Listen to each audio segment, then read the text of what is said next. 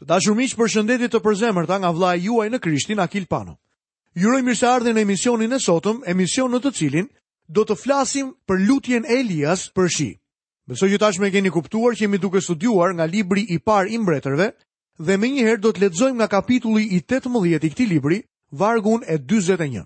Pastaj Elia i tha Ashabit: "Ngjitu, ha dhe pi sepse dëgjohet që tani zhurma e një shiu të madh." Kur njerëzit u kthyen tek Zoti, erdhi shiu dhe bekimet. Lexojmë më poshtë vargjet 42 deri 45. Kështu Ashabi u ngjit për të ngrënë dhe për të pirë, por Elia u ngjit në majë të Karmelit, u përkul deri në tokë dhe vuri fytyrën midis gjunjëve dhe i tha shërbëtorit të tij: Tani ngjitu dhe shiko nga ana e detit. Ai u ngjit, shikoi dhe tha: Nuk ka asgjë. Elia i tha: Kthehu të shikosh shtatë herë. Herën e shtatë, shërbëtori tha, është një re e vogël e madhe si pëllëmba e një dore që ngjitet nga deti. Atëherë Elia tha, shko dhe i thuaj Ashabit, lidhi kuajt në qerre dhe zbrit para se të të zërë shiu. Brenda një kohe të shkurtër qielli u errësua për shkak të reve e të erës dhe ra një shi i madh. Kështu Ashabi hipi mbi qerre dhe shkoi në Jezreel. Elia ishte me të vërtetë një profet i jashtëzakonshëm.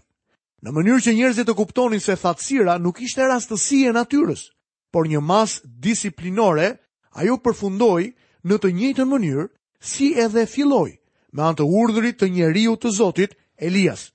Elia tha se shiu po vinte, por në fillim nuk mund të shihej asgjë veç ujit blu dhe qiellit blu. Kur shërbëtori i tij ngriti kokën nga qielli për herë të shtatë, arriti të shquante një re të vogël sa pëllëmba e një njeriu. Reja u rrit me shpejtësi në masë derisa qielli u errësua dhe shiu ujiti tokën. Lexojmë vargun e 46. Dora e Zotit ishte mbi Elian që shtrëngoi ijet dhe vrapoi përpara Ashabit deri në hyrje të Jezreelit. Elia i tha Ashabit të kthehej me nxitim në shtëpi, sepse përroi po fryhej dhe ai nuk do të ishte në gjendje ta kapërcente. Pas kësaj, Elia filloi të vrapojë. Pse? Sepse ai është një njeri pasionesh, njëlloj si të gjithë ne. Ai është një qenie njerëzore dhe ne do të shohim anën e tij njerëzore.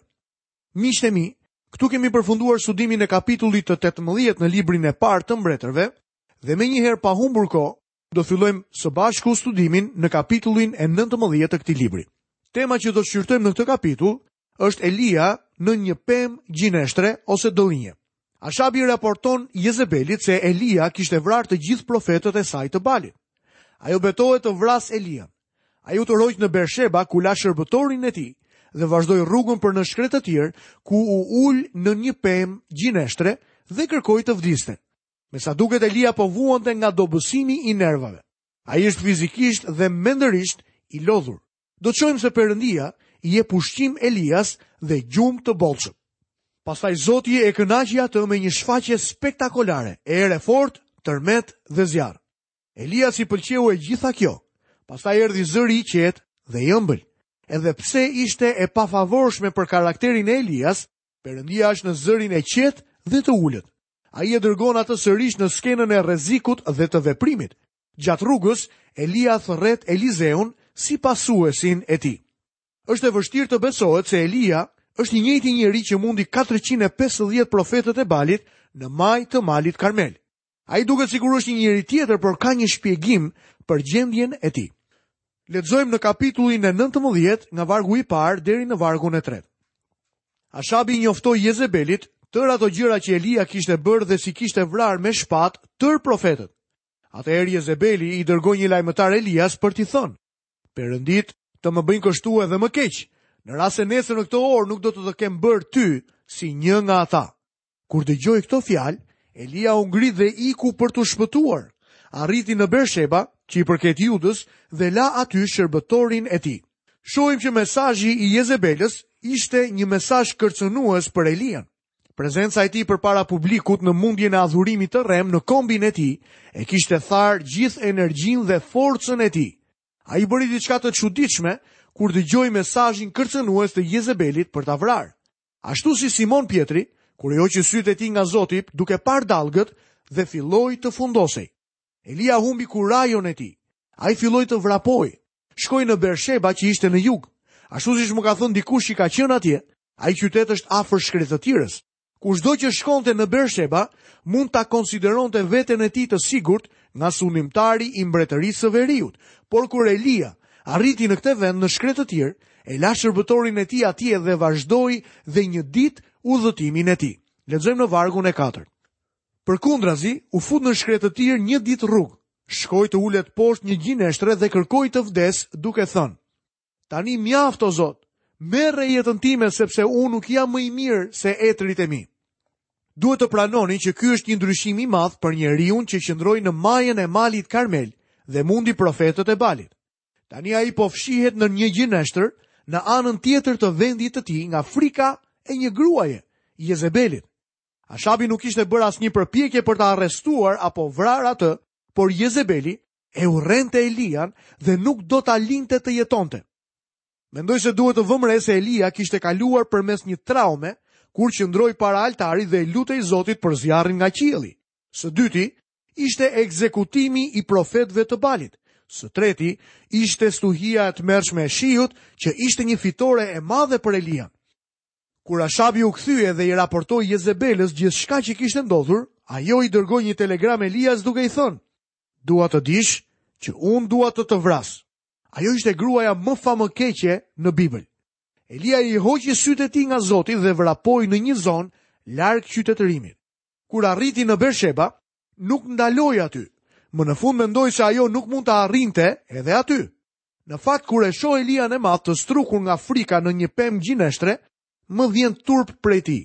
Jam i sigurt se disa të krishterë fetarë do t'i kishin dhënë një mësim të vogël Elias se si duhet të ishte i gëzuar, optimist dhe i qeshur në një situatë të tillë.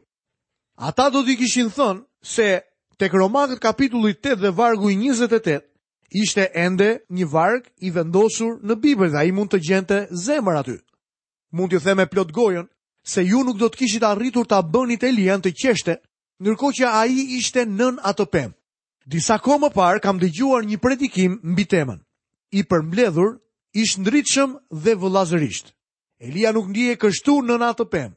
Ju mund ta kritikoni Elian, mund ta dënoni, mund të thoni se nuk po i beson Perëndisë ashtu siç duhet. Madje, disa mund të thonë se ai është një turp për Zotin. Çfarë i ndodhi profetit tonë? Çfarë i ndodhi njeriut të Perëndisë? A është ky njeriu që mundi profetët e Balit? A është ky njeriu që tha, nëse Zoti është Perëndia, atëherë ndiqeni? Çfarë sëmundje e ka goditur atë? Dhe cila është diagnoza? A mund të na jepni etiologjinë e saj? Më lejoni t'ju sugjeroj disa gjëra. Reagimi i tij pati një shkak fizik. Unë besoj që ai ishte i mbilodhur. Elia ishte i superngarkuar. Ai ishte shumë i shqetësuar. Fizikisht ishte i dërrmuar. Mendoj se pas përvojës së tij në Malin Karmel, ai duhet të ketë rënë për tokë. Elia ishte i lodhur pas detyrës së mundimshme për të qëndruar për Zotin para një kundërshtimi të tillë. Më lejoni t'ju zbuloj sot, tamam në dëgjimin tuaj, tre mëkatet e shërbesës. Tre mëkatet e shërbesës nëse nuk i keni dëgjuar më parë janë këto. Krenaria, mërzitja dhe përtacia. Jam i sigur se disa njerëz nuk do të ulen kurrë nën një pemë gjineshtre. A e dini pse? Sepse janë shumë përtacë. Edhe pse ishin 7.000 besimtarë që nuk ishin përulur përpara Baalit, ata nuk ishin nën pemën e gjineshtrës. Ata po fshiheshin në guvat e kodrave. Ata nuk do të kishin qenë kurrë në gjendje të qëndronin në lartësinë e malit Karmel dhe nuk do ta kishin parë zjarrin të binte nga qielli. Elia qëndroi krejtësisht i vetëm. Ai ishte i pakursyer ndaj forcës së tij fizike. Jam i sigur se disa njerëz të shenjtë i kanë pëshpëritur në vesh. Po lodhe shumë, merre më lehtë. Elia nuk do të kishte vrapuar kurrë nga Jezebeli, nëse nuk do të kishte qenë kaq i lodhur. Mendoj se sot kemi nevojë për njerëz që janë të etur për të punuar për Zotin. Dëgjoj shumë njerëz që thonë se janë të përkushtuar, por në fakt janë më përtacë dhe të pakujdesur se kurrë për punën e Zotit. Kjo nuk mund të thuhet për Elian. Ai ishte nën gjineshtër sepse ishte i lodhur. Në këtë situatë përfshihet një faktor tjetër psikologjik. Kjo është koha e hipertensionit, mërzitjes, shterpësisë, ftohtësisë dobësimit të nervave, zhgënjimit, dekurajimit, dëshpërimit, poshtërimit, shtypjes dhe rënies së fuqive. Ndoshta ju e keni keqkuptuar Elian. Ai ishte i ashpër dhe i fortë, por ai njeri i ashpër në dukje fshihte një shpirt të ndjeshëm. Ai zotërohej nga emocionet e tij. Ai kalonte fare lehtë nga ngazëllimi në brengosje. Ai kishte ndjenja delikate, kishte shije artistike dhe estetike. Nga natyra Elia ishte një person që prekej shpejt. Ndoshta vuante nga psikoza depresive, siç thonë psikologët sot. Gruaja është krijesa më delikate e Zotit dhe është ajo që preket shumë shpejt. Ajo është më e ndjeshme se një burrë. Mendoj që Elia në njëfarë mënyre kishte pak nga kjo lloj natyre. A e keni vënë re se Perëndia kishte vendosur një lëkurë kafshe rreth bukurisë, pasurisë dhe mjeshtërisë së tabernakullit? Lëkura e kafshës ishte ana e jashtme e diçkaje të bukur dhe të mirë. Kështu ishte ana e jashtme e Elias. Tani ai po i thërret Zotit t'i marrë jetën. Elia është në një gjendje me të vërtetë të keqe. Lexojmë më poshtë në vargun e 5 deri në vargun e 7. Pastaj u shtri dhe e zuri gjumi poshtë gjineshtrës, por ja që një engjëll e preku dhe i tha: "Çohu dhe ha." Ai shikoi dhe pranë kokës së tij një kulaç të pjekur mbi gur të nxehtë dhe një enë me ujë. Ai hëngri dhe piu, pastaj përsëri u shtri. Ëngjilli i Zotit u kthye për herë të dytë, e preku dhe i tha, Çohu dhe ha, sepse rruga është tepër e gjatë për ty. Elia kishte nevojë për pushim. Zoti e dinte këtë, prandaj e vuri në gjumë. Elia fjeti tamam si një bebe. Po kështu, ai kishte nevojë për ca ushqim të mirë. Nuk mendoj se kishte ngrënë rregullisht, ai u zgjua dhe gjeti një kulaç të pjekur. A e dini se kush e kishte pjekur kulaçin? Unë besoj se ishte i njëjti që përgatiti mëngjesin në bregun e Galilesë, një mëngjes pas ringjalljes së tij. Zoti ynë ishte ai që e ngushëlloi Elian. Ai e ushqeu atë dhe vuri sërisht në gjumë. Ai e ushqeu Elian për herë të dytë dhe i tha, "Rruga është tepër e gjatë për ty." Kjo ishte diçka që Elia tashmë e kishte mësuar. Miku im, sot mund të jetë një ditë shumë e lumtur për ty. Ti mund të mendosh se je gati për betejën e jetës, por dua të të them se rruga e jetës është tepër e gjatë për ty. Ti ke nevojë për një shpëtimtar, ti ke nevojë për një ndihmës. Elia, ashtu i ashpër siç ishte, kishte nevojë për një shpëtimtar, për Zotin Jezu Krisht. Lexojmë më poshtë në vargun e 8. Ai u ngrit, hëngri dhe piu, pastaj me forcën që i dha ai ushqim, eci 40 ditë dhe 40 net, derisa arriti në malin e Perëndisë në Horeb. I forcuar nga ushqimi, i siguruar nga Zoti, Elia vazhdoi rrugën. Ai shkoi në malin Horeb, në malin në të cilin i ishte dhënë ligji Moisiut. Lexojmë më poshtë prej vargjeve 9 dhe 10. Atje hyri në një shpellë dhe aty kaloi natën. Dhe ja, fjala e Zotit iu drejtua dhe i tha: "Ç'bën këtu Elia?" Ai u përgjigj: "Më nxiti një zili e madhe për Zotin. Perëndinë e ushtrive, sepse bijtë e Izraelit e kanë braktisur besëlidhjen tënde, kanë prishur altarët e tu dhe kanë vrarë me shpatë profetët e tu. Kam mbetur vetëm unë dhe ata kërkojnë të më vrasin. Tani Zoti po merret me Elian.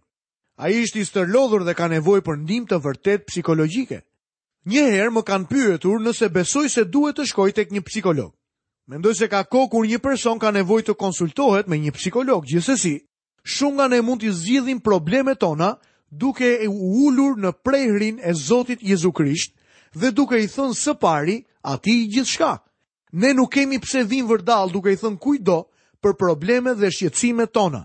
Mjafton vetëm të flasim me Zotin, ne duhet t'i themi atij gjithçka. Lexojmë vargun e 11. Perëndia i tha: Dil dhe ndalu mbi malin përpara Zotit. Dhe ja, po kalonte Zoti.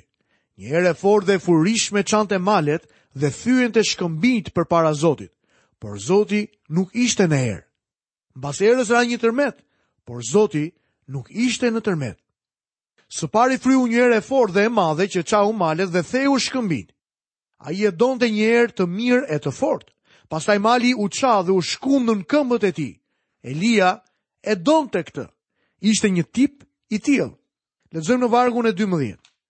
Mbas tërmetit, ra një zjarr, por Zoti nuk ishte në zjarr. Mbas zjarrit u dëgjua një zë si një shushuritje e ëmbël. Pas tërmetit, ra një zjarr.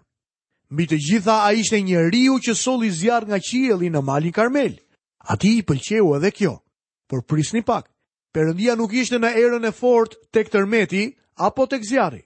Pas zjarrit u dëgjua një zë si shushuritje e ëmbël.